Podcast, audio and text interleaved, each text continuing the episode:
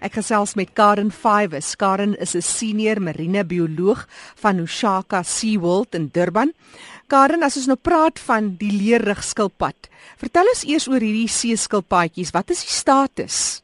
En um, die status van al ons seeskilpaaie uh, in die wêreld is bedreig. Die diere is al onderwerp deur meniglike tipe impakte op hulle wat hulle populasies um, wel bedreig. Wet verwys na spesies wankel op die rand van uitwissing. Is dit krities byvoorbeeld die leerrugskilpad? Hy kom ons ook net aan daai kus voor.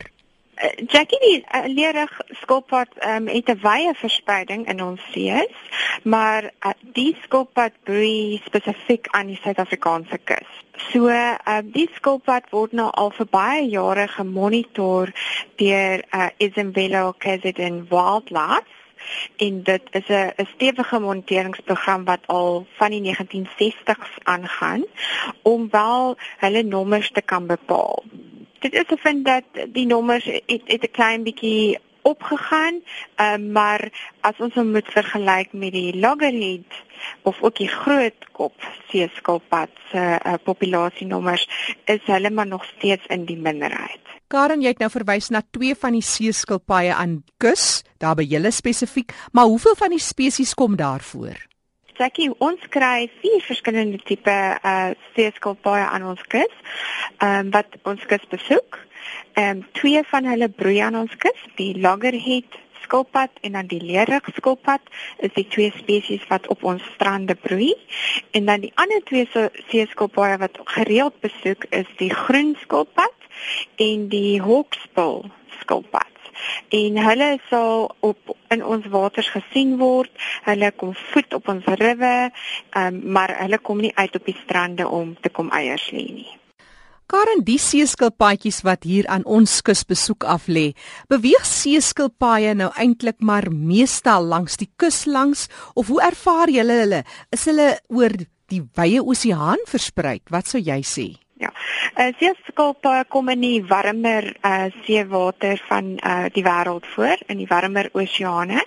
Uh, maar dit is gevind dat die leerrugskilpad uh, migreer baie lang afstande en hulle is wel ook al in kouer dele gesien. Nie 'n gereelde gesig nie, maar hulle migrasiepatrone is baie ver. Nou as jy praat van hulle kom broei hier by ons Suid-Afrikaanse kus, byvoorbeeld die leerrugskilpad. Dit lyk ook of hulle eintlik maar sukkel om te oorleef. Ek meen van 'n 1000 kleintjies is daar maar enkeles wat dit eintlik maak na 'n volwasse skilpadjie. Ja, Jackie, skilpaaie se broeiseisoen is um so aan die einde van die jaar, so van Oktober, November, Desember en Januarie.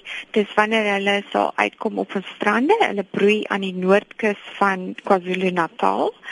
En dan die eiers vat so plus minus 60 dae om te ontwikkel en uit te broei. Die uitbroeiing van die eiers is um direk afhanklik van die temperatuur van die sand. Partyke kan 'n wyfie skilpad twee of drie keer uitkom in 'n broeiseisoen om 'n nes te maak en haar eiers te lê. En daar's baie eiers in so 'n nes, maar Dit word gesê dat omtrent net een uit elke 1000 klein skilpadjies sal oorleef. Die rede is dat daar is baie impak op hulle. Daar is ook natuurlike impakte op ehm um, hierdie see diere waar die klein skilpadjies moet hulle self uit die sandnes uitgrawe en dan moet hulle nou op hulle eie ehm um, tot in die see water tot by die branders kom. Daar is geen uh, ouersorg of moederlike nasorg met uh, hierdie diere nie. So daai klein ou skilpaadjie moet absoluut op sy eie oorleef.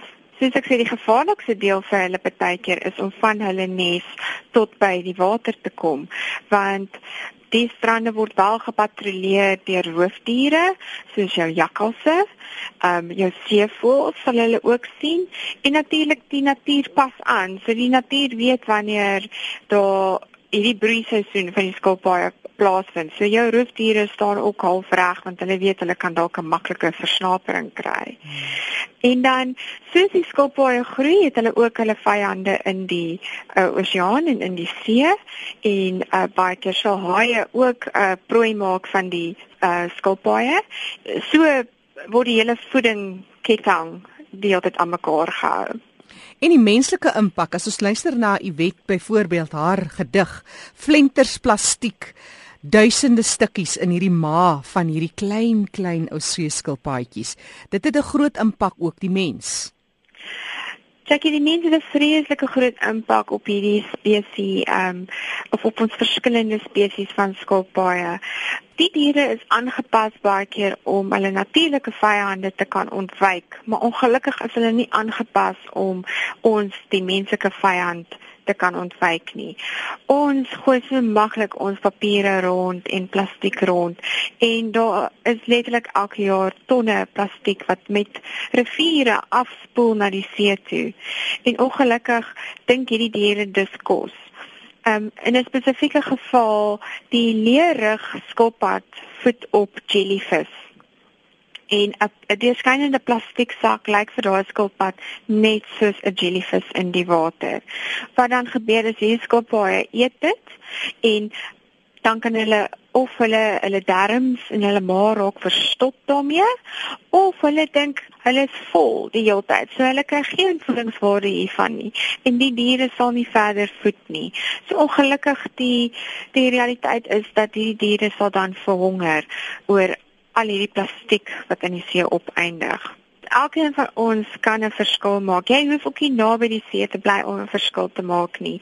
Dis net ons bewustheid om te weet dat daai stukkie chips pakkie wat ons net gaan weggooi, gaan eers in een of ander dier se omgewing opeindig en dit mag nie 'n positiewe uitwerking hê nie.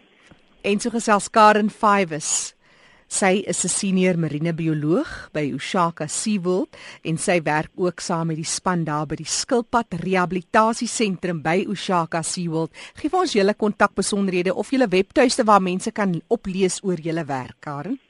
Ons webtuiste is www.seaworld.org.za. Ek herhaal vinnig daai webtuiste, dis seaworld.org.za